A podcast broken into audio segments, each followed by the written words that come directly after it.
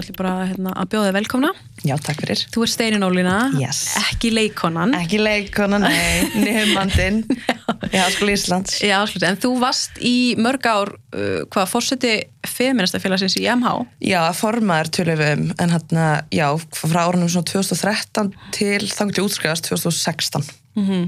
Og þá er maður, er maður ekki, hvað byrjar það bara 16 ára sem, Já, eða svona, ég held að þetta er svona mjög áhugast að horfa tilbaka stundum á, þú veist, að hafa verið í mentaskóla þegar með svona tal um feminism að fara að koma upp aftur. Mm -hmm. að vera eitthvað svona, hvað segir, meira svona heimilisnafn, household name, ef við sletti, um, hvar eitthvað neginn, þú veist, feminista félug tók að mynda sig, þú veist, ég man mjög stærst til því að að hafa verið hann sem formaður í MH og, þú veist, hvað voru komin átta feminista félug í mentaskóla eitthvað svo les Já. og við stóttum, um landsamband og, og vorum að vinna því en þá náttúrulega var um, í rauninni krafan okkar og umgjörni kringu feministafjörnum var kannski miklu einfaldar en maður myndi sjá hann í dag mm -hmm. í rauninni var bara eina markmið að, að sagt, konur og karlar hann að tvíkjan, konur og karlar ættu skilja mikla virðingu og við vildum fá kynjafræði sem skildi fag í framháskólum mm -hmm. og það var svona eiginlega það helsta sem við einblíndum á og náttúrulega séð núna eftir því sem á liður hvernig umræðan hefur náttúrulega mm. orðið stærri en það nokkuð tíman sko mm -hmm. Alltaf mjög markbreytilegt umræðefni og mikið. Það var kannski líka svona það sem fólk held veginn, heldur enn kannski að sko femin, feminismi snúist kannski svolítið bara um þetta jafnrétti, jafnrétti kynjana og ég meina í rauninni þú veist það gerir það í rauninni og pælir í því en ég held kannski að, að það taki ennþá, við erum ennþá að sko að það taki smá tíma áttast á því þú veist hversu hversu stórir angar ferraveldisins eru í þessum mörgu ungu samfélagsins maður mm -hmm. áttar sér ekki á því maður áttar sér ekki á því að, að til dæmis að þetta snúist um meira en til dæmis bara launamismun mm -hmm. maður fekk kannski einblina á, á þannig málum fattar síðan að, að það jáfnvel hvernig ég ákveða að hafa mig til á morgunana er spunni inn í ferraveldið og okkur svona undirlikandi skilabóð gegnum miðla sem hafa sagt mér að þessi betra að að klæða með svona en hinsegin til hann á þessari hinni aðtegli en fyrir hvernig það aðteglin og, og þetta svona læti mm -hmm. maður virkilega einmitt hugsa sko hvað er hvað er ekki gegnum sísta ferraveldunni mm -hmm. þannig að þetta er mörguð að, að, að fletta af. Mm -hmm. og hérna og þú, það eru margir, það er svo ótrúlega margir að núti sem eru að taka þátt í umræðinu sem eru kannski til að nýjir í umræðinu en þú ert klálega ekki eina þeim að þú ert búin að vera í sko, umræðinu gegnum allar þessar bylgjur hvað er búin að vera þrjár? Já, tvær, þrjár, einmitt, maður ekki segja það. Svona MeToo-bylgjan og, og svona kom friðin Nippulstertinn 2015 og, og, og svo setti bylgjan í, í vor, mm -hmm. Hvena var eftir fyrsta? Var þetta ekki 2015, 2016? MeToo, já, 2017-18 minnum ég sko, þetta, er ekki, þetta er ekki það langt síðan Nei, ok, Nei. og Íslandi þá, það var 2018 sem hún var hér Já, 2017 frekar vil ég segja og Já. þá, þú veist að þér núna myndir segja veist að þessi bylgja á síðasta, veist þetta er ekki myndir ekki segja að þetta væri alveg svolítið ólíkar Jú, ég myndi sko, náttúrulega ég held að það fyrsta bylgjan kemur fram, mm. þá hann að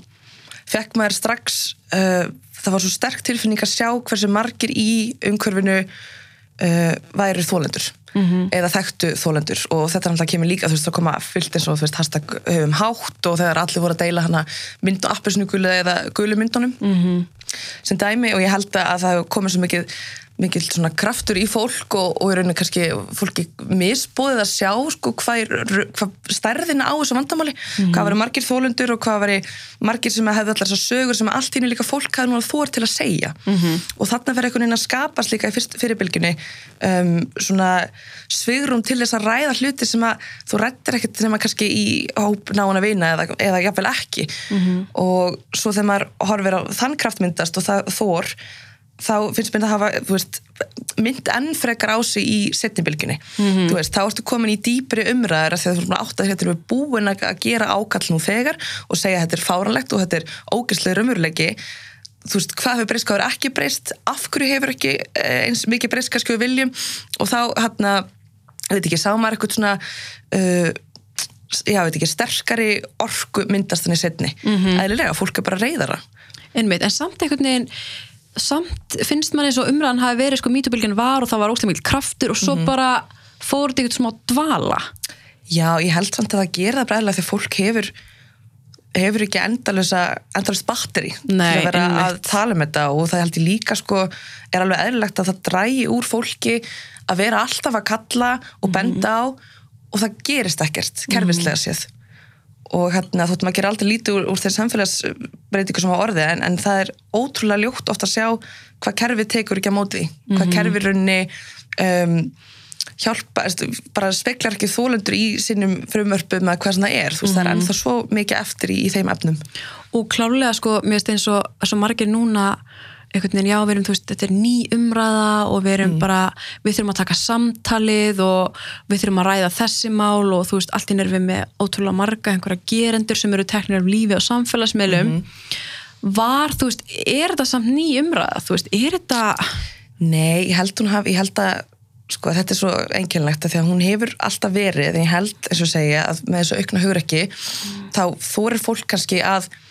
emitt, fara í þann slag að nafngrina og sækja réttar síns. Uh, að því að þú veist, við vitum núna betur en áður að það er hérna uh, bara samansanda fólki sem er grípa þig og styðja við þig sem að var kannski ekki einn sjálfgefi áður. Uh, ég held að sé ekkert og ég meina það er alltaf verið þótt að sé ekki verið að benda að tala um þetta samfélagsmiðlum, þú veist ég held að flestar að upplega það að vera í vinkonu hópum og það að vera varamann við fólki. Þú veist, ég var í grunnskóla og það var að varamann við ákunni tónlistamönnum og varamann við ákunnum aðila í þessum skóla og þetta og hitt, sko, þetta verður alltaf verið til staðar þetta umtal, en það að, að tala um að þessi komið óefni þetta sé orðið svo opibert, það er bara einhver hræðslega fólki, mm þetta er bara held ég eðlileg þróun þess að þetta hur ekki skapist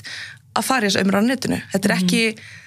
eitthvað mjög meðvituð aflífun af því bara. Nei, nei, nei. Veist, þetta er bara, þetta hefur verið í gangi. Já, en af hverju voru það ekki þessi tónlistamær? Já, það er kannski bara þetta að fólk svona kannski hafi ekki hugur ekki til þess að, að vera endilega nafngreina eða... Já, eða líka bara af því að maður, maður speklar sig í samfélaginu og maður sá að það gerist aldrei neitt við þessa menn. Að það þýtti ekkert að, að þú veist að, að þarna, og maður skildi vel að, að þarna að uh, þú veist, að bara þetta maður þáttum maður ekki orðið verða kannski þá, að þetta, veist, drusluskömmun og hvað það var og maður þorði ekki að, að einhvern veginn ángra fólk með sínum tilfinningum sem að ég held líka að sé mjög kvenlegt sko, við einhvern veginn lærum ekki í, í þá tilfelli, stó, þessi stóra hlutfall kvenkins þólenda að maður, maður líka alveg uppið það að vera ekki að ónáða fólk, vera bara svolítið til friðis og, og leifa fólki aðeins að njóta sinni, bara aðeins og hérna og, og maður, þú veist, og þótt að það sé ekki sagt bærum orðum, þá er þetta eitthvað sem menningin speklar og þú ferð ómeðvitað að tilenga þér. Og þess vegna held ég að taki líka sinn tíma eins og í dag að afbyggja uh, það viðhorf. Mm. og þess að maður sér kannski líka í, í, hérna, í konum sem hafa verið hávarar í því að, að tala gegn kynsisturinn sínum sem dæmi, eða fólk í milnendahóp sem finnst í milnendahóp sem talar gegn um, einhverjum framförum þessum hópi tengdum einfallega því að það er hrætt, af því að það er orðið vant þessum raunveruleika og ákvæmst líka erfitt það með það að samþykja að heyrðu, mi- mitt líf og hvernig minn svona félagskapur að samfélag hefur verið er kannski rangur og er kannski óheilbrur og ég get alveg skilið það að taka smá tíma að samþykja það mm -hmm. að samþykja allt innu hérna sé kannski það sem þú taldir vera skemmtilega reynslega er eitthvað sem þú þurftir að vinna í hjá sálfræðingi þú veist þetta mm -hmm. Einmitt. Einmitt, það er svona, en núna, núna finnst manni sko eins og núna erum við, eins og þú sagðir á hana að mestur, mestur hluti af þeim sem verða fyrir ofbeldi eru konur. En svo er ennþá þessu umræðum að ofbeldi sé ekki kynbundið. Þú veist það, það er það Það er kynbundið. það er það að því að það hefur hallað konur í samfélaginu. -hmm. og ég hérna mann, þú veist, þegar, þegar feministka umræðan fór svona aftur á staðanum þegar ég er í mentaskóla og þá náttúrulega er fyrst ég held að sé alveg svona eðlegt viðbrað þegar maður heyrta fyrst, er að hugsa, já en hérna, hvað með öll hinn kynin? Eða þá eins og var í den, bara hvað með karlara? Og hérna en máli er, þú veist að hérna, það er ekki það er ekki verið að hérna, gera lítið úr upplifum til að með karlkynns þólenda eða hvað svo eina, það er bara að vera varp, varpaljósa þann halla sem hefur alltaf ríkt í samfélaginu og hérna að ég veit ekki, ég hef oft hugsað um það sem það að, að ef þú hugsa um samfélagi sem bara 100% þetta er hérna bara svona, svona skífa. -hmm. og þú ert með 100% vald í samfélaginu. Og valdi er, er miskipt þú veist, það er uh, minnutahópar og það er hana hvítir karlmenn uh, auðugir, uh, vestrænir uh, gagkinheiðir, sis og hérna slíkt halda þessum halda þessari valdaprósunti svona aðeins meira sínmegin það er ekki hægt að skapa meira vald til að leiðrætta þessa misskiptingu. Þú, getur ekki, þú getur ekki til að leiðrætta valdamismun þá getur ekki bara skapað meira vald fyrir konur. -hmm. þú ert að taka af. Og þá er henni kannski líka upplifur það að karlmenn, að fólk sem hefur verið í ráðandahópum upplifur að sé verið að taka eitthvað af sér, það sé verið að, að íta þeim frá og nýðast á þeim. Þeir raunin það bara að taka aftur vald sem þeir átt aldrei að hafa alltaf að byrja með. Mhm. og, hérna, og þá hérna að ég veit ekki, skilur maður að koma eitthvað svona mótlæti í garð þess að sé verið að varpa eitthvað svona kennsli á, á, á heim kvenna? Þegar rauninni, rauninni hefur verið svo að, að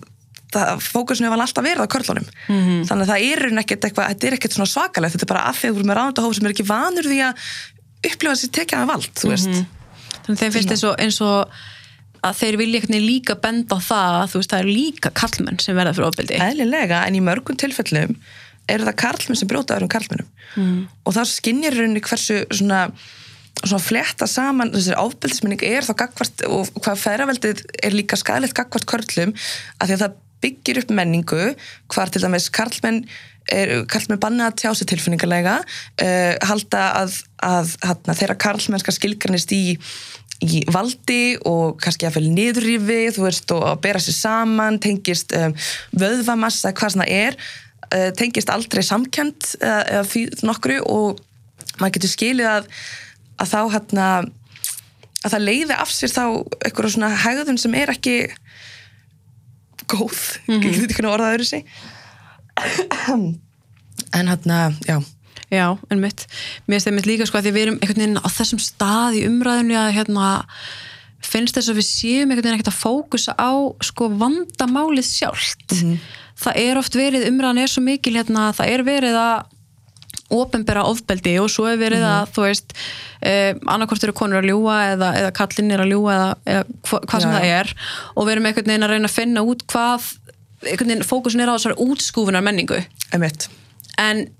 er, er þetta þú veist réttur, erum við á réttum stað einhvern veginn í umræðinni er þetta fókusin einhvern veginn sem við eigum að vera á akkurat núna? Sko, já, það veitilega á alltaf að, að tala um þetta en ég held að máli er að, að vandamálurinn er að það er síðan ekki nógu mikil svona aðstæða veginn í kerfinu til þess að taka við bæði gerundum og þólundum þú veist, við erum bara einhvern veginn ekki ég held sko, varandi útskona menningu líka ég hef ekkert alltaf verið á því að útskofun sé uh, rétta leiðin til þess að til þess að lagfæra samfélagi, ég held að það sem að gæti gerst er að skapa bara svona svo mikla reyði og fólk kannski líka um, já þú veist, ef, að- ef það er eitthvað svona samþýtt við því að ef að þú brýtur á þeir eru útskúfað það geta gert það að verkum að, að aðili sem kannski eftir sjálfur átt að segja á því að hann sé gerandi neytar að taka ábyrð á því af ótt að við þá missa hann uh, fjölskylduna sína, vinnuna og hérna kærustuna, kærastana, hvað svona er. Og þessi stað ákveður hann að, að hérna, neyta öllu. Og það er bara í óhag uh, þólendans og gerandans líka og það vantar okkur eitthvað svona úrræði til þess að ég veit ekki grípa í, sko, þá, þá líka fyrir maður að hugsa um hvað þetta er kerfisbundið af því að, að, því að þetta fer alveg spannastalnir í það til dæmis það er ekki nægileg kinnfræðsla í grunnskóla uh, og það auðvitað líka gera verkum að, að þú ert með kynslu eftir kynslu sem að elstu upp ekki vitandi hver mörg þeirra eru eða spyrja mörg annara uh, er um óljós um, óljósar hugmyndir um virðingu eða hvað svona er eða bara kynlíf almennt. Og, hérna, og í staðin fyrir að skólakerfi geti gripið og útskipt fyrir þeim þá oft kannski fyrir fólk einmitt uh, og snýri sér að klámi að snýri sér einhverju byrtingamind sem kannski er ekki svo helbriðasta til þess að í vonum að fatta sko, betur, hvað er þetta hérna, núna er ég að, vaksa úr grasi og hvað er þetta og, og, og hvernig mm maður að haga sér? Og það getur kannski, einmitt, við notum þetta oft hérna, notum þessu dæmi að, að segjum bara sem svo að, að þú ert með 16 ára stelpu og 16 ára strák sem að ákveða samþykja það að þau vilja fara heim saman. En máli er að stelpan veit ekki sín mörg hún spyr strákin ekki um hans mörg strákurinn veit ekki sín mörg og spyr ekki stelpuna um hennar mörg og svo fyrir að sunda kynlíf og segjum svo að strákurinn hafi einhver tíman um, sé klám þar sem að kona var tekin hálstaki og bara færi það um leið. Uh, hann ákveður að nýta sér það þessu kynlífi í vonum að það hérna, uh, veiti stelpuna einhverja fulllæðingu uh, en þá fyrir hann yfir mörkunar þannig gripum mm. hálsnáni, þá fyrir hann yfir mörkunar og bara ómeðvitað og svo kannski með átt að hvorki það þólandin að gerandi sig á því fyrir kannski mánuðum setna þólandin hugsa að það er eitthvað off, ég finna það er eitthvað sem að fóri yfir mjög mörg en ég veit ekki alveg hvað er, ég hef ekki endilega orðafóran til að átta mig á því, hvað er þetta? Og svo kannski gerum það einn daginn og þá kemur allt inn í stráknum og óverum mánuðum setna árum að hversan það tekur að hans er gerandi. -hmm. og eigum við að útskóa þessum strák? Eigum við að útskóa þessum geranda? Um, þú veist, og maður á að stuðla að þá velja hann þólandans og hennar, og hennar bataferli þólandans þú veist, hvernig, hvernig getur við komist, að veist, ég held að löstin alltaf við þessu sem er bara að það þurfi að byrja svo ótrúlega snemma að tala um öll þessi mál Mhm. að, þú veist, að, að skólakerfi grípi krakkana í staðin fyrir netið og hérna Mhm. og þannig sko, að því að, að því að ég veit ekki, í því fælst hægt og róla löstin finnst mér Algjörlega, en er þá ekki það svona er þá ekki búið að skapast eitthvað núna því núna erum við svo ótrúlega svona erfiðum staði umræðinu þar sem Mhm. bara, þú veist, það er allir einhvern veginn gerendur og fólk kannski Já. ekki gera greina mun á þeim sem jafnvel eru dónar svo kynferðsafbrót menn og þeir sem kannski fóru mörg ungir án þess að vita betur Já, og þannig. Og jafnvel einhver svona hræðisla við að, taka átt í umræðinni vegna þess að þú veist einhvern veginn aldrei hvort að kom einhver hvort einhver hafi upplifað þig farið um mitt þannig að það vantar kannski eitthvað í umræðuna eða einhvers konar úrræði, ég veit ekki hvað er fyrir, fyrir fólk til þess að koma einhvern veginn fram? Já, og líka bara til þess að þú veist að ég er kannski samtal sko, ég held að sé, en það er náttúrulega svo mismunandi eftir brotum, þú veist, það er ekki hægt að alhæfa um einhverja eina laust einmitt í þessum málum, þú veist, þú ert með brot sem er einmitt, þú veist, hægt að tala um ómeðvituðin eru einmitt uh, jafningil brot og brot sem er fram að einbjötum brotavilja. Mm. og hérna, og þá er held ég oft í líka höndum þóla þess að ákvaða hvað vil ég gera, vil ég eiga samtal við gerandan, þú veist, og er gerandan opið fyrir því að eiga samtal um þessa reynslu mun það hjálpa, uh, vil ég að hann að kæra, vil ég leggja fram kæru, hvað vil ég gera? Og þetta er bara eitthvað sem að þarf að ég veit ekki, þú veist, að, ég, ég, ég er ekki með löstin á þessu. Nei. en ég held bara að, að margt í því sem er gangi núna fælst í því að, að, fólki sem veit aðeins mér sveigurum til þess að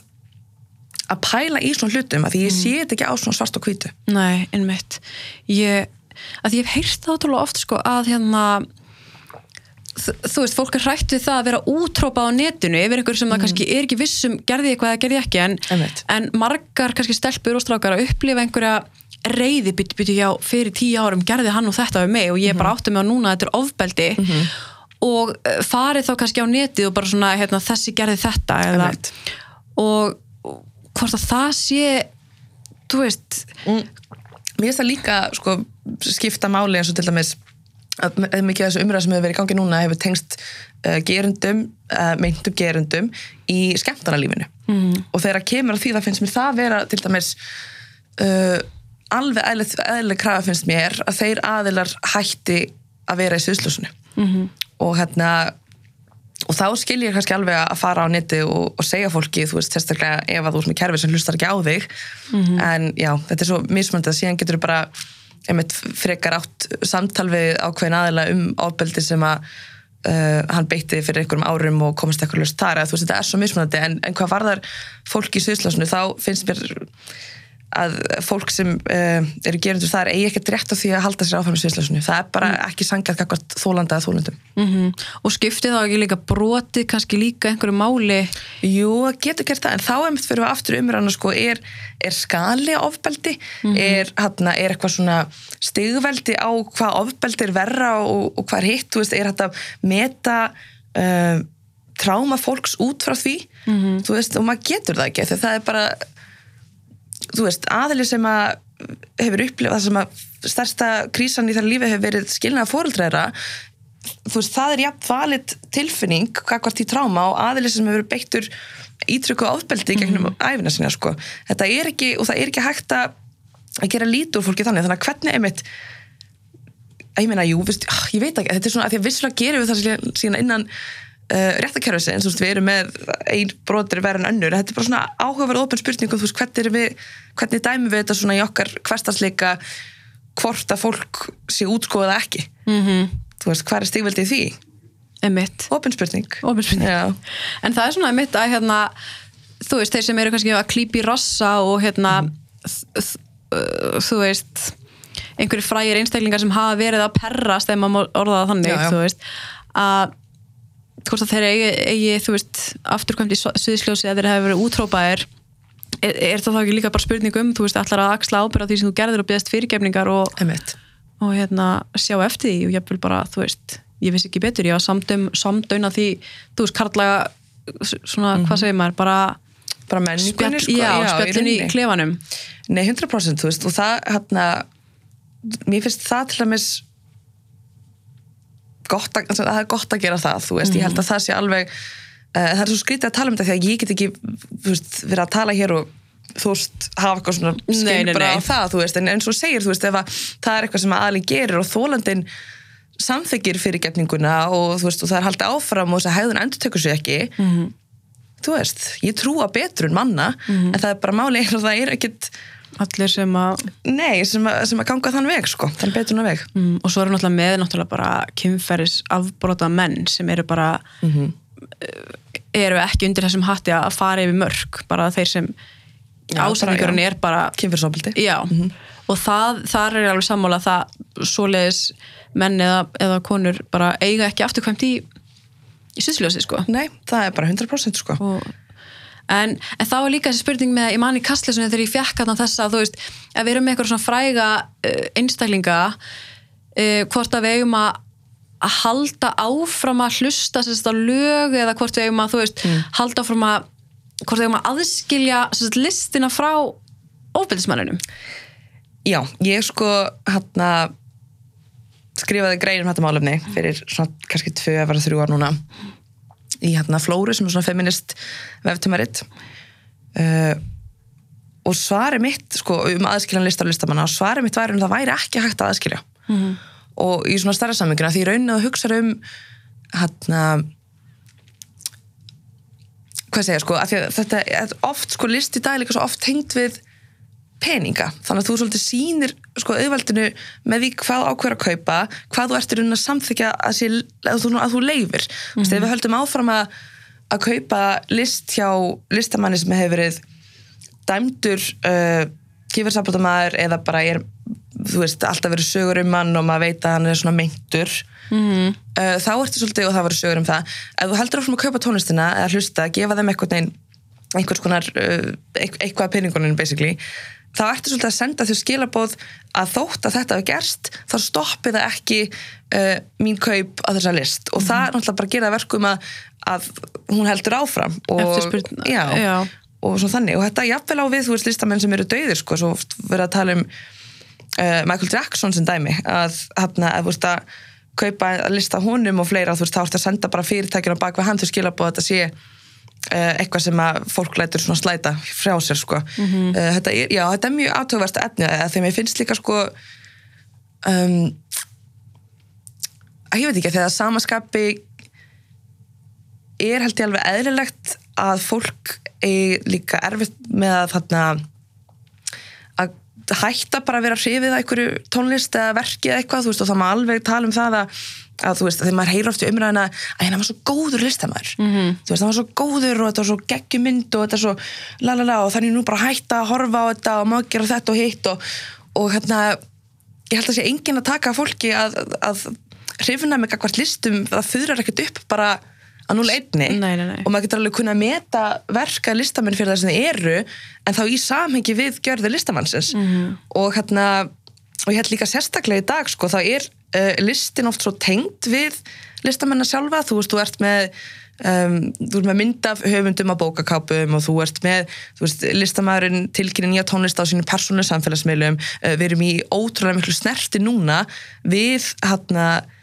listamenn, þú veist bara ég veit hvað þessi uppálsmaturinn er þess sem er og þessi, þau fóru til húsavíkur um helgina, ég veit það, sá Instagram eitthvað svona, þú veist, við erum svo miklu snerti við þetta fólk, þannig ég held að það sé mjög erfitt að, að ætla sér að aðskila listamannin og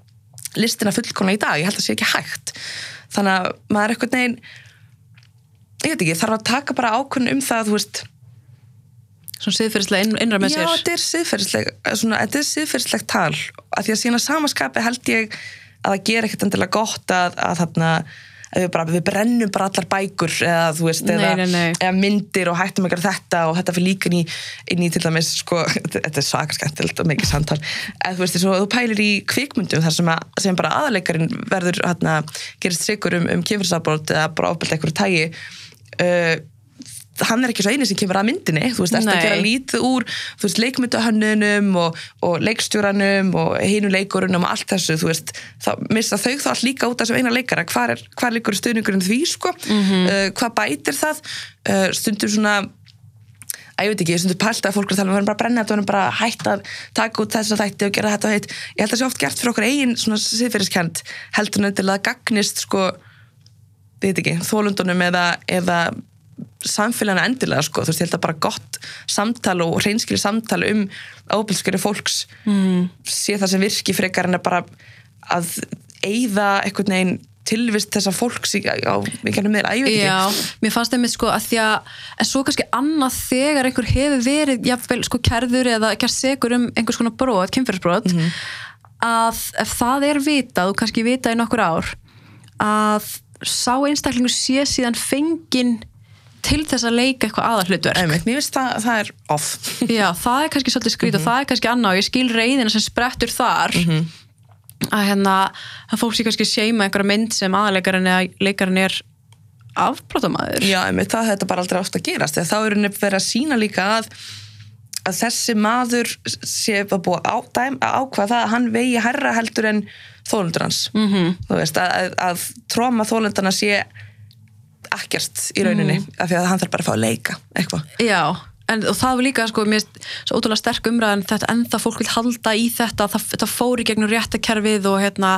þú veist, hann var annarkvæð síknaður eða þá að hann bara, hann var ekki dæmdur að hvort við hefum að láta að slæta og þá er þetta alltaf, þú veist, já, við hefum alltaf að trúa þólendum, eigum við alltaf að trúa þólendum þetta er svona, svona fólk er svona að berja svolítið um þetta. Já, ég veit að þetta er bara, ég held líka sko þú veist, í öllum þessum málum þetta er bara svo, einmitt, svo lítið svart á hvítu. Þú veist, það eru svo margar svona opna spurningar í þessum í þessari í þessari reyfingu sem að þú veist, ég get ekki sagt að ég sé bara 100% á. Nei, þú veist, þess vegna þarf maður að eiga þetta samtal. Það er fullt af einhverju svona einhverjum málefnum í, í þessar feiminsku reyfingu sem er svo stór og mikil sem að þú veist, ég er ekkert endilega 100% á Nei, veist, það er svona, þarf, það er svona svo mikilvægt að kynna sér þetta áfram og líka meta yfir sjálfa þig sko, hvað finnst mér að sér rétt, þú veist, ef að mér líður óþægilega að hlusta á á síl og grína hvað sem það er, þá ger ég það ekki og ég get líka frætt, þú veist vini mína um þú veist, hans gjörður að annara skiluru og hann og þau tekið sjálfstæða ákvörðin út frá því sko. Mhm. uh, þetta er svona, já, en ég get svona skilið sko þetta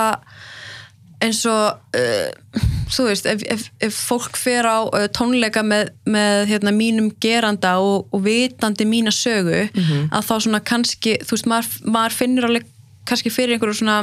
ok, þú veist þér er, er þér alveg sama Þetta er bara eða ljótt. þetta er bara, mann finnst þetta ljótt en fólk er kannski ekki endilega að reyna taka einhverja meðvitað ákvörðunum að vera eitthvað. Jú, það samt gerir það í þessu tilfelli. Af því að það er það að ákveða að hans glingur hann -hmm. vegi hærra heldur en heldur það sem þú uh, varst fyrir -hmm. þú veist, mér finnst það mjög meðvitað svona fokkjú sko -hmm. þú veist, Og þú veist þess að sögu og sama með eins og, eins og hérna, konur sem segir frá ofbeldi og jafnvel fyrir gegnum dómskerfið en svo fær gerandinn hennar leiki einhverjar mynd að fólk sem bæði framleiðendur og fólk sem er að fara á myndina og svona að það sé svolítið svona fokkjú á, á þessa stelpu. Það er það sko, af því ég get ekki skilja hvernig hvernig við erum að meta þú veist að ykkur sé góður í að leika sé svo skemmtilegur og fýtt, þú veist það vegi ofar þú veist því áfalli sem er fyrir þólenda að sjá gera þetta sem hvort hann sé að auðlýsingaskiltum einhverjum trailerum er en að þú veist að njóta hverstarsleika hans og andliti á honum er nút um allt, mm -hmm. það er bara ekki lægi og svo finnst það, svo verður þessi reyði með að, að það fólk sem kannski fer á þessa mynd eða þú veist er samt hávart í umræðinni með að trúa þólendum og stiður umræðina Einmitt. en svo einhvern veginn stangast þetta á þarna. Já, það sé ekki bara svona eins og ég, þú veist, þetta er eins og sko, eins og var þetta kjötat sko, við erum orðin svo detached frá því að að hérna þú veist, bacon séu sætu svínin. Að því við sjáum þetta í pakningunni og sjáum þetta bara, já, ég skell þessu bara greinlega og bara flott eitthvað. Og hérna og við, við það því við sjáum ekki sko slátrunina og við sjáum ekki uh, hvað þetta raunverulega þýðir. Og þá er þetta þægilegt. Og ég held að sé svo oft kannski þannig með getur verið með sem þetta bara, ég er bara að skemmta mér, þetta er bara skemmtun. -hmm. En, hérna, en þú sérð ekki æ, þú veist, hvað þetta, þetta er svona, maður verður einhvern veginn að að þarna líka kemur spurningin sko, það eru aðrir aðilar sem að leika þessari kveikmynda og hegna þeim öllum, en þannig að það sem þetta gerast frá byrjun er að ráða bara ekki inn aðilan -hmm. og svo segir, það er ekki mannréttind að vera leikari þannig að þú Nei. veist, þú þarft ekki að vera svona í sviðslösunni, þú getur fundið eitthvað annað Mhm. en þá kemur þessi útskúfun þú veist að þá er bara frá útsk- hverju eitthvað, ég sko, þú getur alveg þú veist, ég, þetta þetta er svo skrítið með þessu umræði tengslum við, að því mér finnst umræðan nýlega hafa verið rosa tengda með sko sviðsljósunu, Mhm. -hmm. þú veist og tala um þetta helvitist tóri sæmviðtal og allt þetta, það er ekki einmitt, mannréttindi að vera leikar og getur fundir annars konar vinnu sem snýst ekki um það að vera í kringum að ég veit ekki, mér finnst bara svo ótrúlega einkynlegt að krefjast þess þegar rauninni þetta er þitt doing af því að þú braust það gegstu mörg skilur, Mhm. allegedly þannig að hann að ég veit ekki, mér finnst það svolítan væl í því tengdu sko. Já, og sérstaklega þegar við erum kannski einmitt, en að valit umræða klárlega hérna, þetta útskún gerenda og þetta var kannski nýtt í svona umræðinni kannski. En áður en að við kannski gerum hverjir eru raunverulega hverjir, hverjir eru raunverulega útskúfaðir úr samfélaginu? Það er þólendunir það þólendur það er bara, þetta er, er skrítið líka að sjá að mitt að tala um og það er svo umilegt að að eiga erað með vinnu og fólk er að gefa mér eitthvað svona, eitthvað, eitthvað, eitthvað gottur og fleira. Þegar þú ert búin að þú veist bara sálar myrða ákveðna aðila sem að geta sem fellur úr námi og sem að getur ekki unnið og getur ekki séð uh, bara þú veist, ákveðin föta umhverju á hans að tryggarast, þú veist, og skapa með sér, þú veist, þetta er bara, af hverju er það einhvern veginn meira í lægi, þú veist, af hverju, af hverju er það þú veist, það er miklu meira útskúfun ég sjálfur sér Já. að finna bara að það er búið að að það er búið að hamla þér með því að brjóta það svona niður og samt er einhvern veginn, er allt umtalið um það hvað þessi nú leiðilegt að, að gerandin hafi brotið á, þú veist, mí, svo leiðilegt fyrir hann, þú veist, en það er mjög leiðilegt að vera að, hérna, að vera brotið á, skilur, ég bara, ég fatt, ég fatt ekki hvað klikkar ekki haustum að sem fólki því tengdu. Nei, ég held að fólk kannski haldi sér alltaf, alltaf við þetta hérna, þólandi hljótinu að vera að ljúa Já, já, veit. en á sama tíma er, og þá er þú veist, einhvern veginn erum við ekki búin að taka umræðan um, um raunverulega útskúfun þólanda sem er hefur verið útskúfaður frá fjölskyldi og vinum Einmitt. og jafnvel ekki ráðin í vinnu því að þú ert klikkaða konan sem hérna eidilaði mannor þessa manns jafnvel tala nú ekki um litlum bæjarfélögum. Og en samt erum við einhvern veginn einhvern veginn er svo mikilvægi mikið, við erum svo að fókusa svo rosalega mikið á bara að það verði að eiga þetta samtal með sviðsljósið og gerendur. Já, ég fatt það ekki sko. Ég, ég, ég hef oft Ég- bara að þetta sé eitthvað svona hræðslega og sé svona ítt undir þetta bara því það leynist fleiri aðrir hérna í samfélaginu sem eru varum það þeir hafa brota og það er bara ekki komið fram. Þú veist, þeir eru hrættur um að, um að það verð komið til þess kannski einn daginn og, og þá vilja þeir aðalega sjá til þessa að, að þeir missi, missi ekki allt skilur, þú veist, ég, já, ég veit ekki. En, og svo er þetta líka þú veist að svo alltaf að segja, axlaði bara ábyrð, axlaði bara ábyrð og, og fólk er hægt við það axlar ábyrð þá er það því bara hendi í jailið. Já, en Þú þú veist- ég, veist, ég meina þetta er bara svo því að, veist, ég þekki alveg dæmið sem það hefur gerst, þú veist, bara aðlið sem að axlar einmitt, veit ekki hann er farið mörg og axlar hérna ábyrð og er uh, bara útskúfaðar, skilur, sem er bara mjög eðlilegt að gerist, fólki lýr óþægilega að vita af þessu og stiður ekki við gjörðir innan svo leiðis og hérna, hvað gerist svo? Ég held að það sé svolítið það sem að vanti í umræðana líka sko bara varðan, þá ekki varðandi þú veist, gerundur sem að, meint að gerundur í sviðslösunu heldur bara þú veist, hvernig eigum við að grípa þetta, hvernig eigum við að, því ég held að það geti skapast líka svo mikið reyði að finna þessi útskofaðan og þá kannski bara í staðinfrækslega ábyrð það ferði bara ykkur svona einhvern leiðangur um að grafa undan þólundum að hvað svona er, þú veist, þetta er mm -hmm. vata bara eitthvað svona eitthvað, eitthvað sálfræðast og eitthvað, þú veist, þetta er bara þetta líka færaveldi er svo gegnum sírt að fólk kannski átta sig ekki á því hvað það er sjálft svona grafi inn í hann, þú veist bara í nöðkunamenningu og ferraveldi og, og þú veist þess að normalsí sem að er ekkit á ekki að vera normalsí í dag, hvað var það samskipti eða, eða fleira. Mm Ég man að ég, þá, þú gerðir svona að skrifa þér áhugaverð grein þar sem þú skrifaðir sko um, að vera ekki nógu mikið sagt Já, einmitt, það var hérna í uh, þá er ég bara ennþá í MH sko. Og það var grein sem ég skrifaði í, í bara veginn rosalega svona ég fór svona mikla afneitun eftir að brota mér sko um, að- um að þú veist ef ekki ég það bara einhver önnur og, og þú veist ég var virki í feiminsku starfa á þessum tíma og, og hugsaði sko bara þú veist gott og gott að vita ég, svona, ég veit þetta var ekki mér að kenna og ég vissi um, vissi auðvitað að fólk stæði með mér og fólk triði mér og og allt þetta. Og þá held ég að við neita þú veist, ég var svo hrætt við að vera fórnalamb. Ég vildi eitthvað en ekki fá, þú veist, ég átti mjög tók mjög langan tíma líka að tala um mína nöðgun sem nöðgun þú veist, alltaf að fá um braut á mér hann, na, na, na, þú veist, ég vildi aldrei segja þetta orð. Svo stuðandi orð Já, það eitthvað hóp fólk sem að ég, eitthvað er áhvert að pæli, ég hafa ekki þórað að að tilhera sko, eins og það væri kannski þegar maður viss að samfélagi tala ekkert vel um, um þann hóp Já, ekki, það er ekki, náttúrulega ekki eftirsókn að vera staða að vera uh, þólandi. Einmitt. og ég hef ekkert oft, ég hef oft svona einhvern veginn velt fyrir mig hvort það er ekki hægt að þýða því að þú veist á ennsku er- kemur, kemur sko survivor of sexual assault það er einhvern veginn fórnalamp hér sko -hmm. ég er svona, hvort það sé eitthvað betra íslenskt orð sem að kannski getur í staðan fyrir að nauðgunar fórnalamp mm -hmm. það mig. En ég ætla að skrifa sko, þetta fyrir skólablæði MH hérna 2015 eða eitthvað og ég skrifaði hérna greinir um þessar sko, hugsunum, mér fannst mér heldur ekki að hafa verið nauðga nógu mikið. Og það var að því að, að byrtingamæti var náttúrulega bara að nauðgun sé bara lítið ákveðin út uh, og þú veist og það var svona í hérna mínu tilvægi var það ekki tippi píku heldur fingur í, í píku og mér fannst þess að það bara þýtt ekki neitt. Mm. þú veist og væri eitthvað en ekki þetta sé, að ég veit ekki, þetta var svona mjög áhvert að pæla í það því að út frá því að skrifa þessa grein þá og eftir hún byrtist það komið margir til mín og töluð um bara ég átti að með á því að mér hafi verið naukað þegar að ég las þetta. Af því að þarna einhvern veginn var líka bara svona ákveðin byrtingamynd af, af því hvað hva nauku var og hvað var að vera og hvað var að, þú veist, að meiga tala um sig sem uh, hafa verið naukað sko. Og hérna ég veit ekki, mér finnst það bara svona sína sig þú veist, því svo skrifa ég aftur hérna, ég held ræðu, hérna, þetta var 100 ára kostningamlega kvenna, það var svona dagskraf hjá Ung Fem í Ráðhúsinu. 2015 þá. Og þá er mitt fjöldu þessar pælingar áfram bara einmitt út frá sko brota þólenda rammanum sem var þá svo mikið sko að að, að hérna, eðri fyrir nauka það átti að hagar ákveðin máta annars telst þetta ekki með. Þetta svona, og þetta voru mínar svona endurspekkirinn átöldum að sjá sko uh, og heyra af naukunamálum sem eru feld niður af því að naukunar sér stað þegar þólendin er út á skemmtanlífinu en svo heldur hún áfram að að djamma og þá ekkert neginn hlýtur það að þýða að þetta hafi ekkert verið það sko. Já, þá er náttúrulega byrting á þá á einhvern veginn staðlímyndin að vera svo að þú fyrir bara beint heim og þú fyrir bara að gráta og þú getur ekki neitt og þú einangra þig og, og þú veist, þú ert í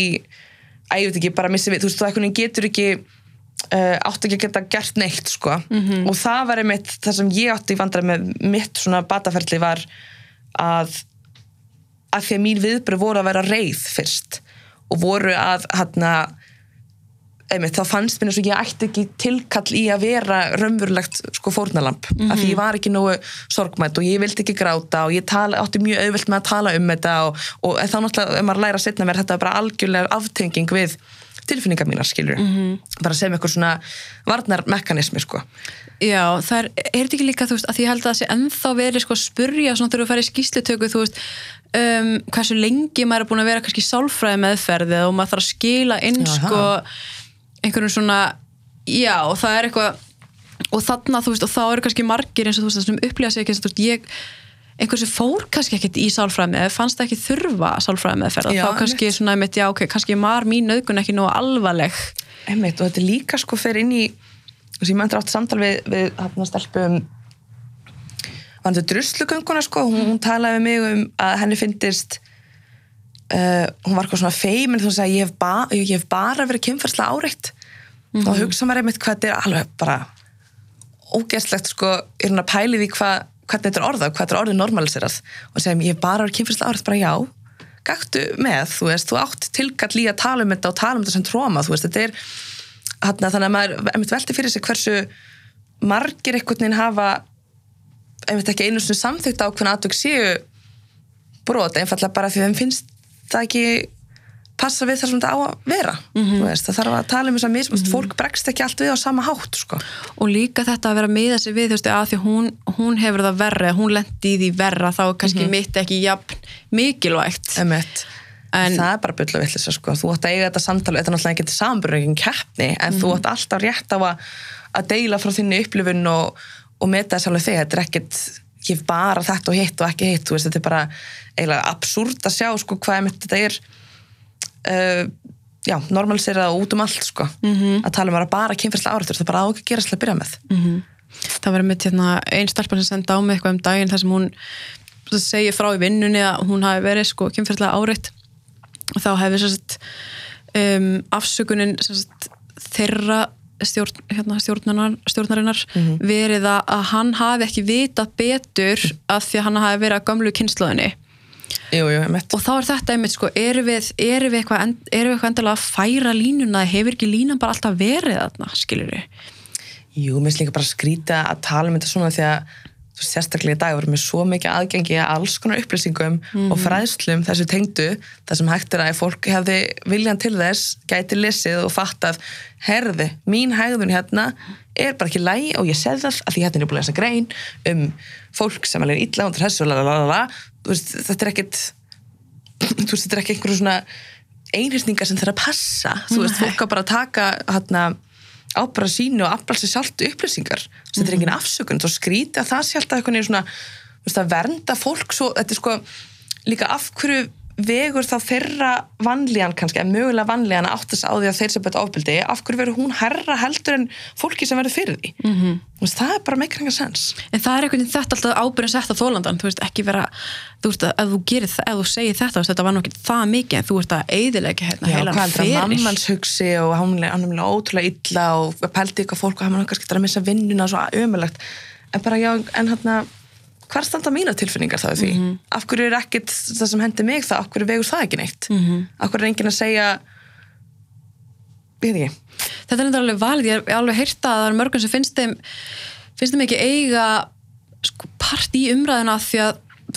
þau hafa bara verið kynferðslega áreitt á vinnustaf þar sem er kannski bara verið að segja eitthvað kynferðslegt við þau eða þú veist, áreitaði þú veist og þú ert svo ógeðslega sæt og þú ert svo heit eða þú veist eitthvað, þau finnst það ekki vera nóg en Einmitt. Þetta náttúrulega er allt bara, þetta er bara ein byrtingamind af ferraveldi hvar, þú veist, það er samþygt að það megi lítilekka konur Mhm. -hmm. að það er minnlutahóp, þú veist, þetta bara gengur að því, þetta er ekki, og þú veist, og það vita allir að það er munur á því, maður finnur og heyrir munur á því að segja, æ, þú veist, þú ert æmlanga bara að segja, þú ert voða sæt í dag. já, já, já Það er enginn að segja bara, þú veist, það er bara verið að skamma fyrir allt, það er bara augljós munur af því hvernig er þú veist, komið, hvernig þetta er lagt fram. -hmm. og ég held líka að þú veist, það gera það enginn að ganni sínu að leggja fram einhverja kærur af því bara, þú veist, því við sjáum svo glögt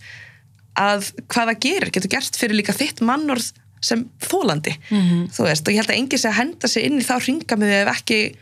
þeim að, þú veist, að því að, hérna, að þetta er satt. Mm ég bara, já, já, þú veist, það gerir það er, þú veist, það leggur enginn fram kæru bara sér til gamans. Nei og ég hef aldrei séð eitthvað neginn að það komi að sé eitthvað svona voða mikið fólundum með haga að þú veist að fólk er ekki að græða eitthvað á þessu fjárhærslega að gera það gamni sínu til að græða pening þú veist og mér veist svo góða punktur að pæla sko að þú veist í Bill Cosby umræðinni það er þannig yfir 70 konur sem að koma fram. Og þá fóru sögum að segja sko því ég manna með þeim fyrstu sem kom fram var hérna kona sem annarkvort sko var leikona eða var ennþá svona í þeim bransa sem kemur fram og þess að fólk, já, hún ætla bara að gera þetta til þess að vera fræg, svo hún fá eitthvað svona hlutverk og þetta er bara aðtiklisíki, en þú hugsa um það, mann eitthvað hvað hún heitir? Já, mitt þú veist, fólk bara, þú veist, þetta umræð, þetta bara er aldrei eitthvað neginn hefur einhver umræðlega nei, hefur ekkert upp á þess að gera, sko. Og hvort einhver hafi verið orðið eitthvað ríkur eða frægur með því að það er bara þetta er ekki bara einhver ákveðin svona Nei, meðvirkni þöggun það er frekar hinbóin, þú veist, ég meina allir að fara borgar eitthvað miljónir fyrir vikið og starfi, það har aldrei verið greitt jafn hátt uh, sérst, uh, há upphæð í brotamáli, Mhm. en það fyrir til meinta geradans, já, sem borguð það fikk borgað frá borgarleikursu fyrir að vera reikin þann, já, það var órétt mætt, sko. Þetta eru hæstu miskabætur sem hafa verið greiddar í svona máli. Einu og hálf miljón já, þrjá, það var ekki þrjá til fimm eða eitthvað. Þrjár til já, mér fimm minni það, sko ok. Það er engin þólandi fengið sem, í, í dæmdumáli, hann har aldrei reynd fengið svona hátt sko. þannig að maður sýnir þetta er ekkit endilega uh, að borga sig. Þannig ég skil ekki Nei. fólk sem hefur ykkur umræðan það að þetta sé eitthvað svona, eitthvað svona nörna veiðar hjá þólundum það er bara þetta er oft bara mjög traumatiserandi upplifun að fara í gegn í svona ferli. Mm, ég man að hérna það var bara núna um daginn sem hérna nuttarum var uh, skerist segur um hérna fjórun aukanir í, Já, já. og hérna þólandi sem kerði fekk eina miljón sem held ég rétt náði upp í lögfræði kostnaði eitthvað Já, sem leyti, þú einmitt. veist þannig að þú ert ekkert að gera þetta fyrir peningin Nei, Jesus Christ, ég held að myndi enginn leggja það fram í sig að þú veist að þið séum líka sko að maður var um það þú veist eins og í mínu ferli var hugsa um að kæra hugsa um að sko já en þú veist þau eftir að segja ég var orðin átján ára og hérna og la la la la la og þú veist og hvað veist og ég ætla veist screenshotaði fullt ekkur dóti og var kannski með ekkur svona eitthvað sem hann hefði senda á mig. En svo hugsa ég bara já en svo fattaði pottið að það er hægt að, að að photoshoppa einhver svona screenshot. Að skilju maður mað fóri allan að hugsa að, já, bara þangagang af því að maður er svo var um það að það sé ekki haldið með manni, þú veist, að maður þurfi bara og, og jafnvel í málum þess að maður er bara hérna er bara vídeo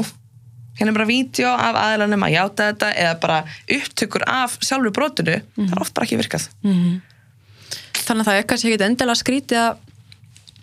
að fólk vilji einhvern veginn koma sínu á framfæri á samfélagsmiðlum. Já, akkurat. Og, og jafnvel bara ba- vara við eða, eða hvað það er sko. Já, og ég held að veist, það hefur líka bara alltaf verið gert, veist, það er maður kvíslar að því að maður er, að því að maður er var um þessa menningu og þykir vænt og fólki kringur sig og vill ekki að fólk lendi í gerundum, þú veist, þetta hefur bara alltaf verið uppi, þannig ég skil ekki alveg að halda að þetta sé eitthvað svona, eitthvað nýtt að nálinni núna. Svo þetta líka með þetta kvíst, þú veist, af hverju af hverju þarftu endilega að segja allt í hljóði og passa að engin aðrir heyri þetta?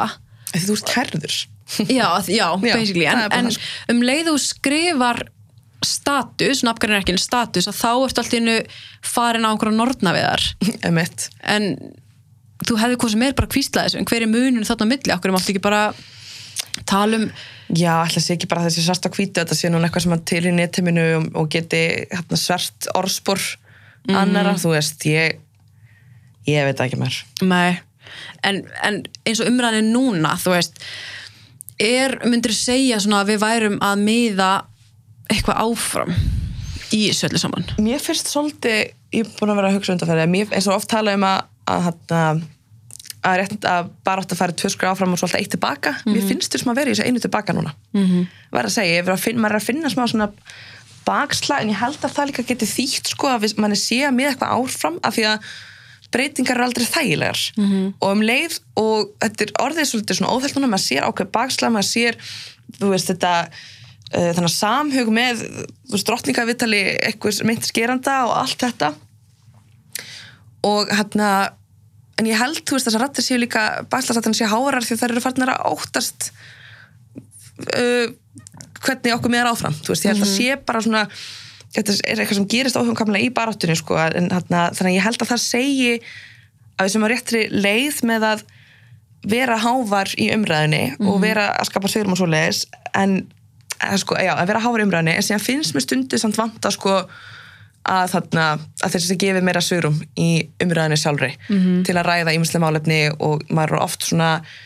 einhvern veginn svona sérstaklega sko á Twitter það er oft svolítið svona polariserar umræður og ég er svolítið sé þetta líka byrtast í því að sko vinstur og hægri pólitík þar sem maður talar um vinstrið og hægrið það er eins og sé búið að persónu gera uh, í rauninni pólitíska stefnir sem eiga svona kannski í einföldu máli að, að vera ósumal um hvernig að skipta fjárhugum ríkisins. En þeir eru alltaf nú fann að tengja svo mikið líka samfélags svona málum og þá finnum maður stundum að það eru eitthvað ákveðnir aðilar sem er kannski hávarir í öðrum hvorum sko pólunum uh, og eru eitthvað skoðun þá eigi eitthvað allir að, að fylgja því. Og, hérna, og mér finnst stundu vanta fólk með að spyrja spurninga þegar ég mann að sé svona þú veist, umræður það sem að einhver segir já, nú stendur við þessu máli, einhver segir já, beti ég fatt ekki, samt ekki alveg, mér, finn, mér finnst þetta eitthvað svona skrítið við eitthvað sammála. Og þá er sá aðileg bara hálfviti. Bara, ég skil ekki af hverju að kemur nú bara að kemur nú bara óvart hérna, hérna Guðrun Guðrundóttir mín að þú setja eins og að spyrja að þessu. Já, þú veist, að þú átt bara lalala, en það er ekki, það má ekki þú veist, það er svo konstantli alltaf mikið í gangi, þú veist, ég held að sé ekki tekið á því það er alltaf, hvað er þetta ekki einhver nýmálefni eða eitthvað svona, þú veist, eitthvað atvik sem er talað um, við erum endrast aðgengi samfélagsmiðla, bara upplýsingafræði er svo mikið að það er enginn furða að maður verði smá svona týndur og ringlaður. En þá er náttúrulega líka bæta inn í að þá er það líka manns eigin ábyrð að kynna sér það. Þú veist, þú ert ekki að leggja á þá annað fólk að vera alltaf endalast að útskýra fyrir þér en það þarf vissulega samt að impra á því að það megir samt spyrja spurninga í þeirri svona fræðslu söfnun, skilur sem að mér finnst stundum, þú veist, nú tala um þetta kannski mest út frá Twitter en svona það vanti uh, smá skilning á að fólk er ekki endilega sko hræðrætt fólk þótt að ná ekki alveg utan um ákveðna umræðu strax. -hmm. þú veist, það bara tekur tíma þú veist, ég veit það ekki. Já, algjörlega, ég held að sé sko ég held að það sé líka meira hluti um, karla sem kannski svona einmitt eru hrættir við að spyrja spurninga og jafnvel bara skilja ekki umræðina Nei, þetta er líka kannski líka oft reynslu heimur sem að þeir skilja ekki því að þeir alast upp við ákveðin fórhundin sem feðraveldið gefur þeim líka. Og það tekur líka, en þess vegna er svo mikilvægt að vera gaggrinin á sig sjálfan og hvernig þú veist, þinn raunverður ekki byrtist og hvar sker sig úr og þú veist, og, en það er svolítið þín ábyrð að gera það. Mhm. þú veist, stæðan fyrir að vera ráðastaka fólk að því þú ert ósamála, þú er átt að af hverju er ég ósamála og ég held að það sé rosalega heilbrygt fyrir alla að líta hans eigin barm og átta sig á því þú veist, og maður veist að gera veist, eins og til dæmis ég er hvít og, og hérna cis og vestræn og, og hérna og þú veist, ég hef bara ákveðin forréttindi sem að aðrir aðilar í feminskurhefingu hafa ekki. Þannig að minn feminismi, minn reynsluheimur sem kona byrtist öðruvísi heldur reynsluheimur einhver annan hluta sem að tilhýra fleirum svona minni hluta mengjum. En það er þú veist mitt að átta mig á því, skilur og þú þarft svolítið að gagna það og fatta sko, já, af hverju er ég að þessa skoðuna, kannski af hverju er ég að bregðast hérna illa við að það sé verið að tala svona um benda svona hvítarkonur feminism eitthvað, það ok, já, ég þarf að skoða hérna þessi viðbröð hjá mér, meðtaka sjálf og fatta já, það er að því að þessi reynslu heimur er öðruðsi fyrir þessa aðla heldur mig, ok staðfist, þú veist, þetta er svona, og þú þarft að svona gaggrinn hugsun einhvern veginn gagna hugsunum og líka leifa fólki sá þeim til er þeim hópum að fá að tala, fá að hafa þessa rödd, þú veist, að vera ekki að overræta hana, sko. Ég man, ég heyrði, eh, held að eitthvað vinur minn hafi verið sagt að hérna, þrátt fyrir að hann eh, sjálfur hafi ekki svo hann veiti, brotið á einhverjum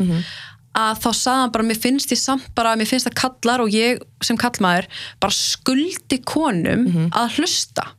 Já, bara, þú veist þó að, að þú hafir ekkit þú takir ekkit persónu þú, þú kannski braust ekkert á einhverjum en þú sem partur af þessu karlæga samfélagi og sem karlmaður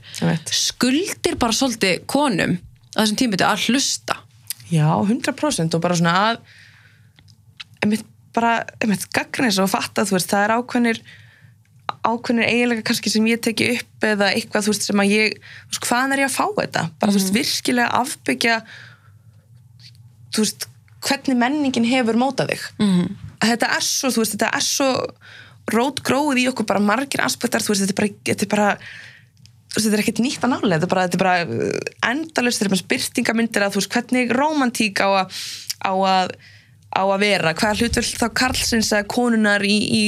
í þessu sambandi og hvað, þú veist, hvaða taktikir virka og konan að gera þetta og hitt og þetta er svona eitthvað sem við horfum á ómeðvitað tökum inn og þegar maður fattar rauninni að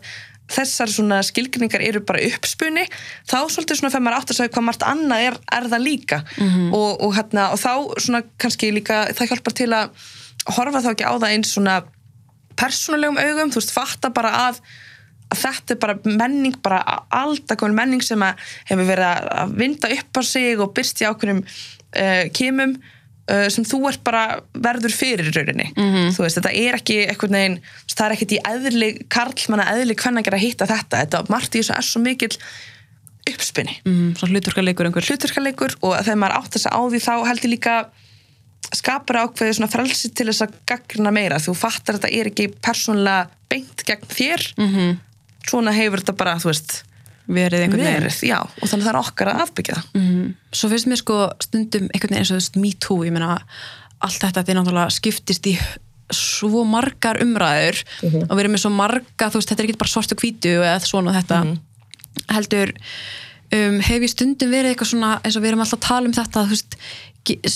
frægir einstaklingar gerendur í sviðslusnu og svo erum við með gerendur í samböndum og gerendur sem eru ekki frægir. Já,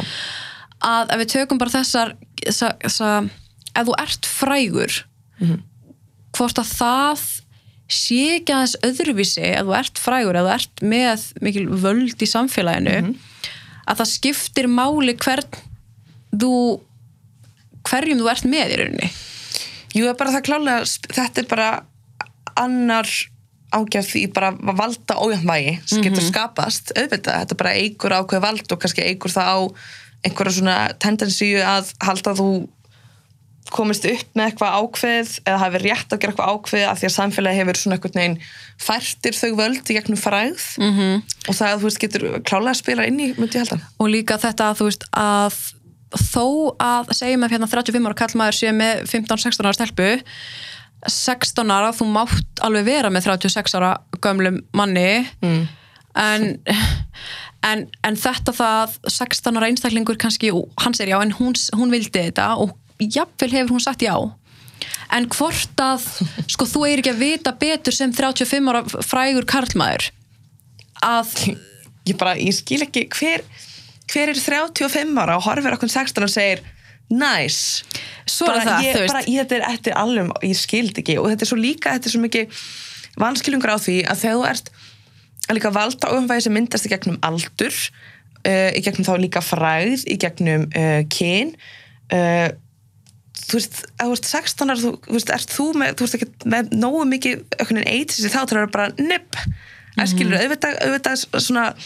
svona læðist inn að þetta sé spennandi og fleira, þú veist, en það er þess vegna er það ábyrð að þú ert 16 ára skilur, þannig að ég skil ekki alveg að sé verið að færa eitthvað ábyrði yfir okkar barn með tilliti til 35 pluss ára manns. En svo erum við með bara samkvæmt lögum þá máttu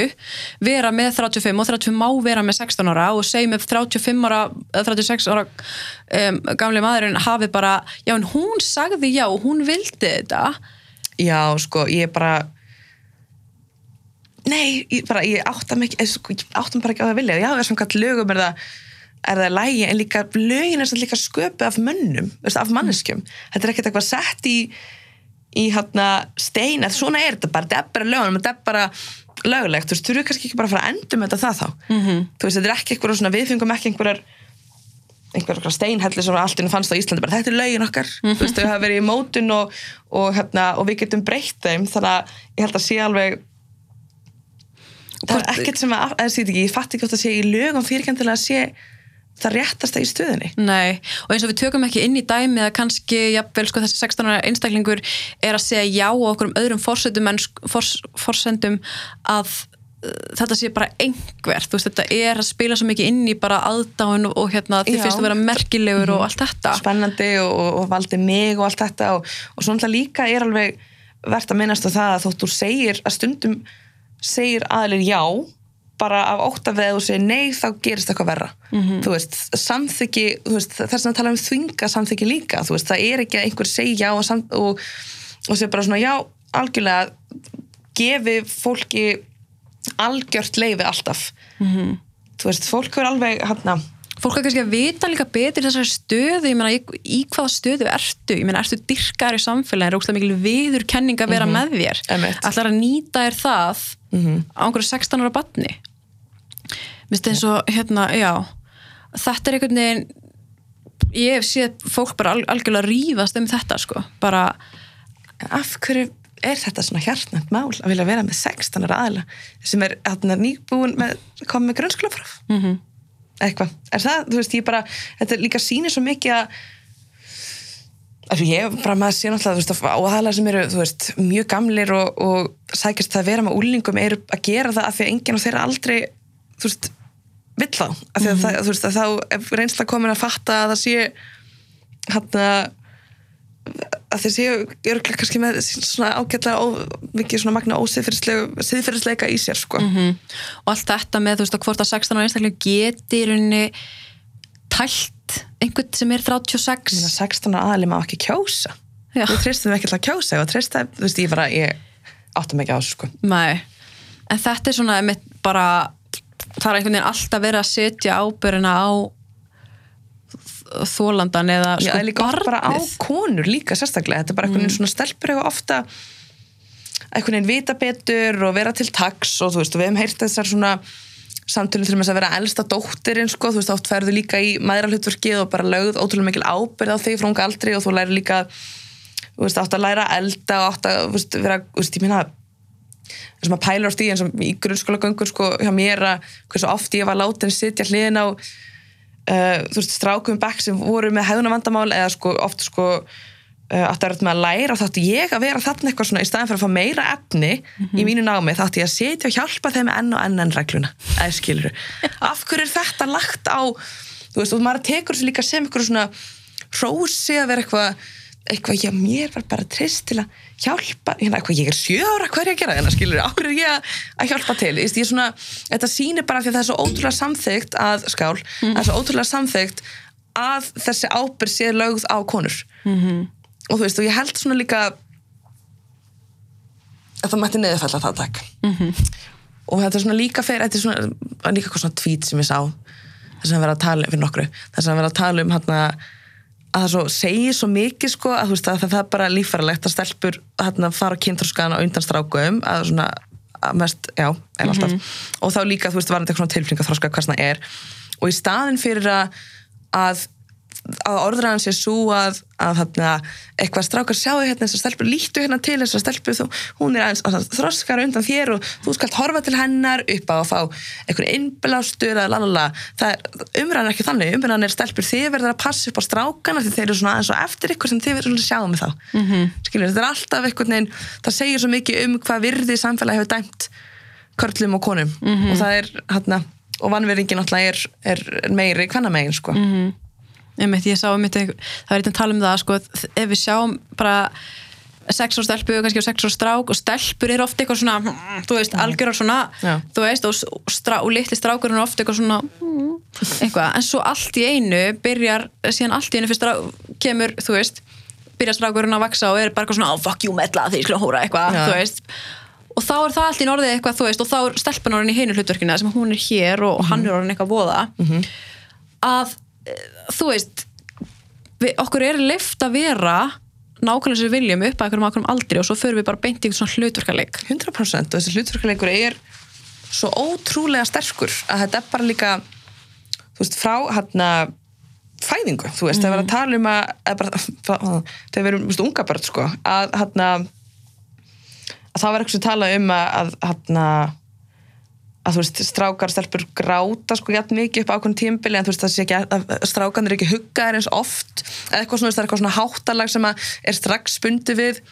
strákin og, stelpuna sem að sker upp, sem að, sem að sker á og, og gera verkum að, að það að þau alast upp með svona misspunandi uh, svona tengingu við samfélagið mm -hmm. og þú veist, þetta er bara er svo þörf umræða alltaf hvað það er hana, mikilvægt uh, hvernig til dæmis hvað dóti er, er markasetta að stelpum, þú veist, eitthvað svona ég er læra að bæka pennumkengur mm -hmm. og meðan þú veist að, að hana, strákarnir fá flotta bíla og fleira, sko, þetta spilar allt inn í líka að samfélagi dæmir þá eiginleika í stráknum sem í rauninni voru ekki hans eigin, heldur eiginleikar sem samfélagi búið neyðan til að taka við, þú veist, þeir eru alltaf dæmdir ofar hinn um kvenlega mm -hmm. þú veist, þetta byrja bara frá unga aldrei og svo horfur á,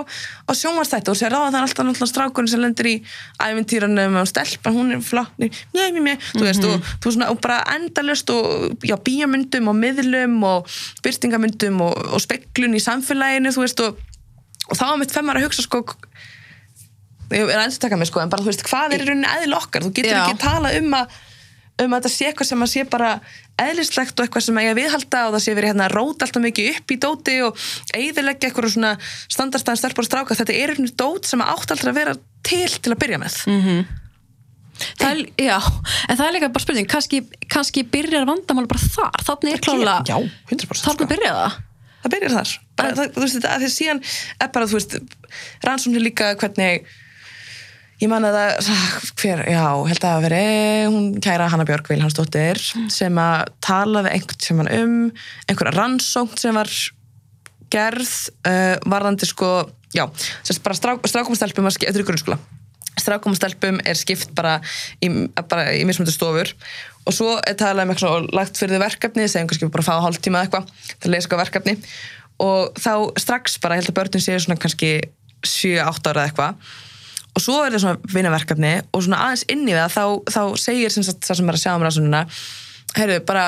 eitthvað því miður þá þurfum við bara aðeins að hérna, minka tíma þegar fá minni tíma en þið heldur til að klára verkefnið bara, na, na, na, viðbröð steltnana var þú veist bara, ok, þá verður ég bara að vinna harðar og ég var bara að klára þetta og ég var að gera þetta. Viðbröð strákana þá voru sko að rýsa allir upp sem eitt og segja það er ósangjant, þú sagði þér að væri hálftími og mátt ekki þú veist, la la la la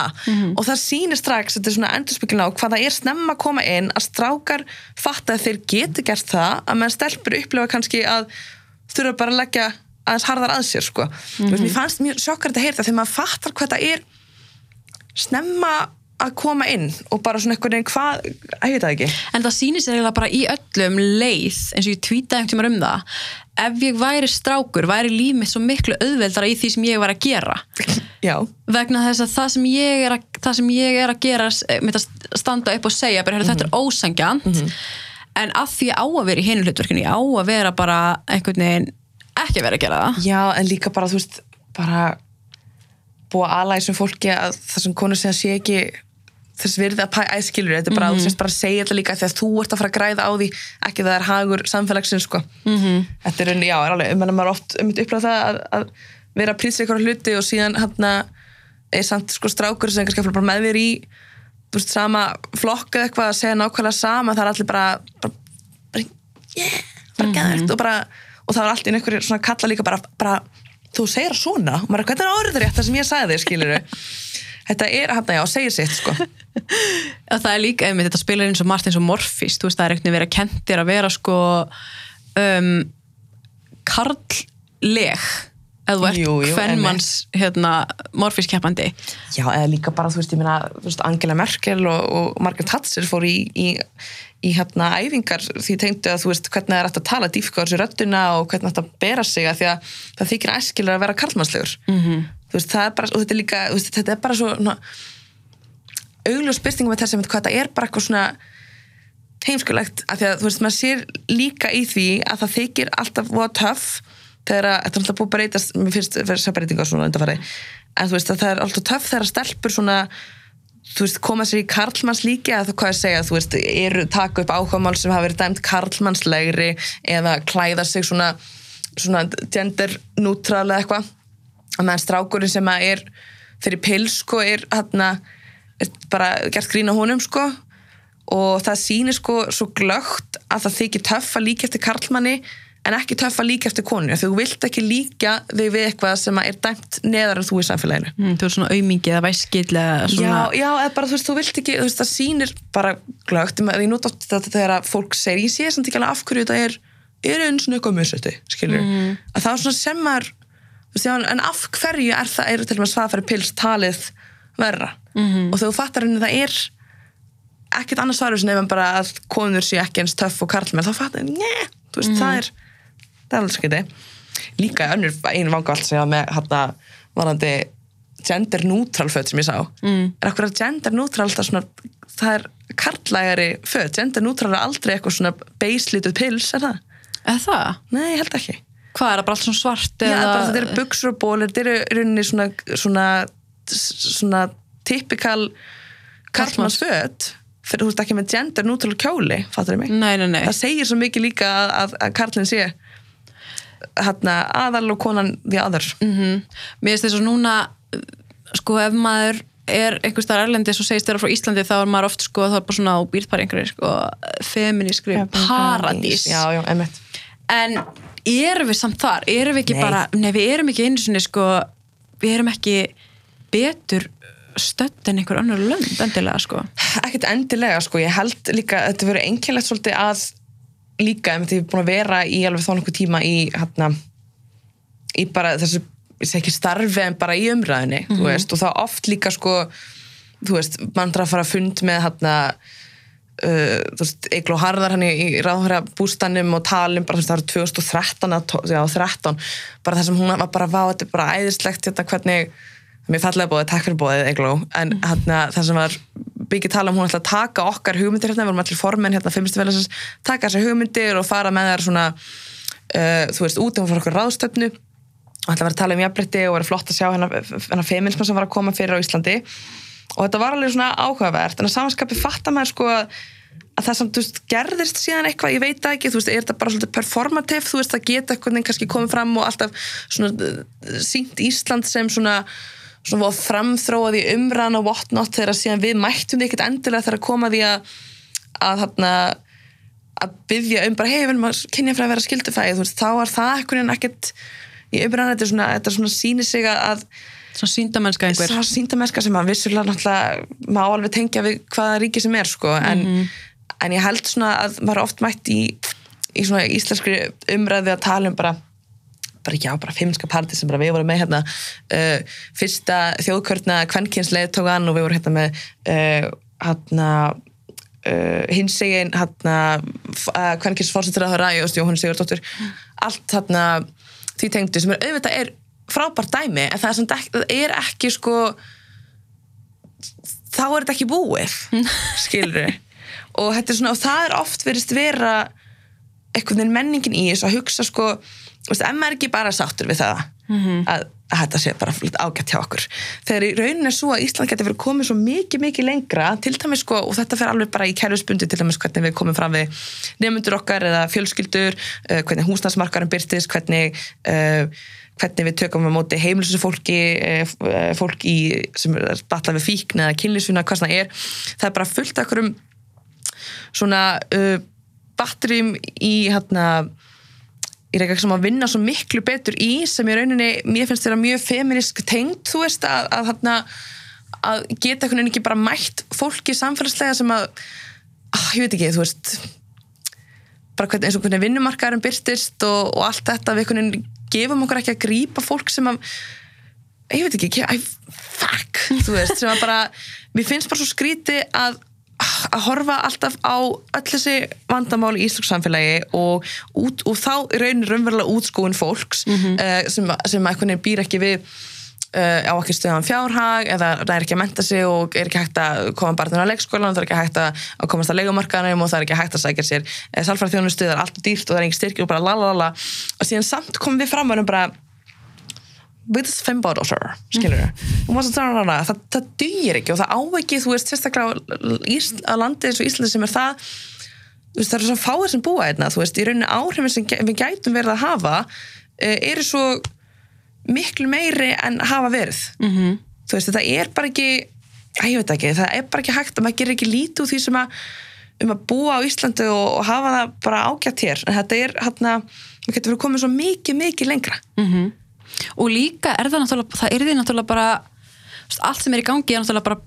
beneficial, eða hvað segir maður, bara hagstætt fyrir alla. Já, það er málið, þú veist. Já, ég skil bara ekki af hverju af hverju við viljum ekki að fólki líði vel. Hvað fléttur er þetta? Hljómar svo am, svona, eins og það hljómar amturistek en máli er bara með ekki allir bara hafa gott þú veist, af hverju eru svona veist, þessi spilling sem að maður finnur til dæmis í í bara, þú veist, hvar fjármunur eru settir að hvað svona er, þú veist, þetta er svo skrítið að, þú veist vil ekki bara fólki líði vel, þú veist, af hverju er þetta svona erfitt, það er ofta sem maður hugsa og ég veit að hljóma mjög svona, já það er því þetta er tengd inn í þessi hagstökk Já, sem gerir þetta, en þú veist af hverju er svona mikil þrætungur því tengdu að fólki kringu þeir líði vel? -hmm. Þetta er bara þessu skrítið að vera kennsla kannski skort á vissi samkend því tengdu. Mm -hmm. við voða leiðilegt það er náttúrulega en það, það er líka það er ótrúlega skrítið að, að, að skoða ekki bara tölur, svona raunverulega tölur og svo alltaf, við erum alltaf tönglast á þessu þú veist, sálfræði þjónustu og, og mentakerfið og heilbriðiskerfið, þú veist. grunnstóði samfélagsins. Já, grunnstóð samfélagsins sem er náttúrulega gott fyrir alla við sjáum það bara öðrum löndum Danmörk, Svíþjóð, þú veist. Það, það, hvað virkar? Já.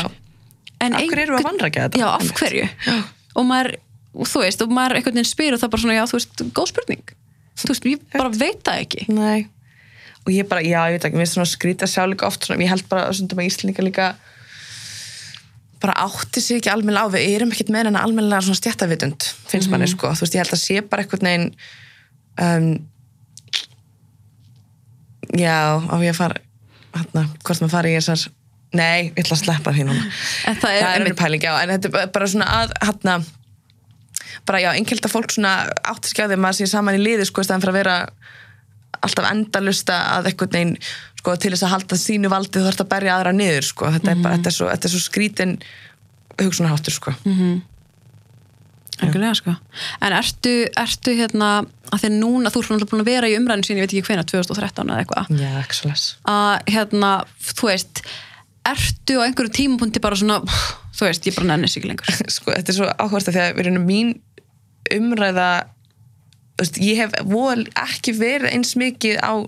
net samfélagsmiðlum almennt með minn aktivisma. Hann er oft bara svona komið fram í gegnum bara herfrið sem ég tek þátt í eða þú veist einhverja fræðslu fundi eða hvað svona er sko. Uh, ég hef oft einhvern veginn fundið það mér að ég hef ekki þessa orku í að taka slag ofta á samfélagsmiðlum. -hmm. þú veist, mér finnst ég oftar bara að gera það í kringum uh, bara um fólkið í kringum mig sko, af því að þetta er svona einhvern veginn sem að er náttúrulega líka aktivismi þú svona einhvern veginn með því að fræða fólk í þínu nánasta umhverfi eða eða hérna viniðina eða fyrir fram, hóp uh, sérst, með fullta fólki það er aktivismi. -hmm. og ég held líka að fólk þurfa að vita að það er bara þú veist, þú veist aktivismi þarf um þetta ekkert endilega að þýða sko að maður sé alltaf konstantli á netinu og sínilegur og svona getur kannski fælt fólk frá, þú veist, sem hugsa þú veist, þá er ég bara ekkert alveg aktivisti, en það er bara það er aktivismi að segjum bara vera í matarbóði og einhver aðli við borðið segja naukunarbrandara og þú stendur bara upp og ferð mm. þarfst ekki einu svona að vera með ræða eitthvað, þú bara sýnir, ég er að taka hérna aksjón til að sína að hérna að ég samþykja þetta ekki mm -hmm. það er líka aktivismi, mm -hmm. þannig að ég held svona líka að alltaf svona og horfa á, á þig og, kolbrunabyrn og fleira sko, ég er svona stundu, hvernig, hvernig geta þær þetta sko, af því ég hérna, þetta er svo mikil, er svo mikil aðorka í því að að taka slægin, mm. veist, þetta er bara aðdónavert en ég veit ekki hvort að ég geti tekið þann samfélagsmiðla svona pressu en það náttúrulega er líka bara búið að vera já, svona áhugavert að hafa fylst með gennum árin og og hérna ég veit ekki, finna bara svona að þótt að maður sé stundum eitthvað svona orkulis og svolítið svona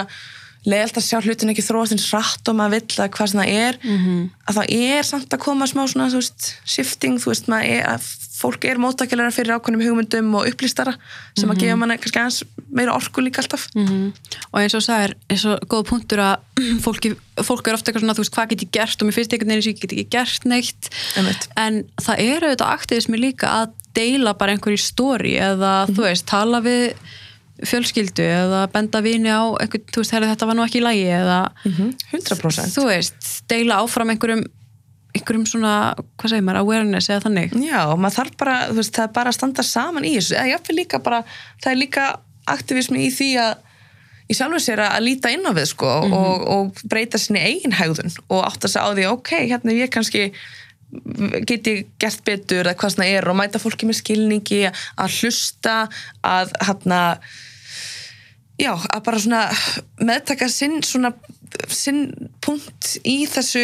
íðandi lifandi samfélagi og það er, mm. já, aktivismi sjálfur svo líka sko. fólk á ekki að vera hrætt við að finnast eins og það hafi ekki eitthvað tilkall í umræðan og þú þarft ekki að mm. eða öllum, þetta þarf bara bara spurningum bara meðvitaður mm -hmm. Þetta er einmitt goða punktu líka, fólk er oft svona, já, en hvað hef ég að segja, veist, og, og ef þú tjáið þið þá svona, af hverju hún að tjá sig og fær svona, hrættum að fá þetta viðmót Já, sem ég minna að þú mynd örglega fá, þú veist, en það er náttúrulega bara hluti af að þau auðvitað er hag ráðundu hópa að tjá sig ekki mm -hmm. skilur, hann er ekki alltaf spurningum þú veist að, þú veist, þú deilir bara þínum reynslu heimi og sem er alltaf veginn þarft á að heyra, skilur mm -hmm. það þarf ekki alltaf að vera eitthvað svona af hvernig hún er tjáðstöð, bara af því þetta er ákveðin veruleiki sem upplýða, hvað svona er, skilur mm -hmm. og flestir eiga nú mömmu og sýstur og frængu og frendi og ömmu, þú veist þannig að Já, það er svona samfélag sjálf, þú veist, ég bara, þetta er og þetta er líka svo skritið með að þú veist, feminismi er svo, líka svo hagstæður uh, þú veist, karlmennskunni og karlmennunum þú veist, og bara öllu þessu, þetta er bara þetta er spurningum reyfingu þar sem að emitt segi, þetta er uppáhaldsvarða mitt núna hana, afbyggjum, þú veist, þessar hugmyndir sem að eru engum í hag mm -hmm. ever Algjörlega, mm -hmm. en það er bara búin eindislegt að hafa þig og gaman að koma í heimsokn hérna. Æðislegt að heyra visku þína sem ég fæ nú reglulega að heyra á kaffehúsum en, en bara ja. loksins fær þjóðin að heyra. Að heyra, takk fyrir mig. Takk sem les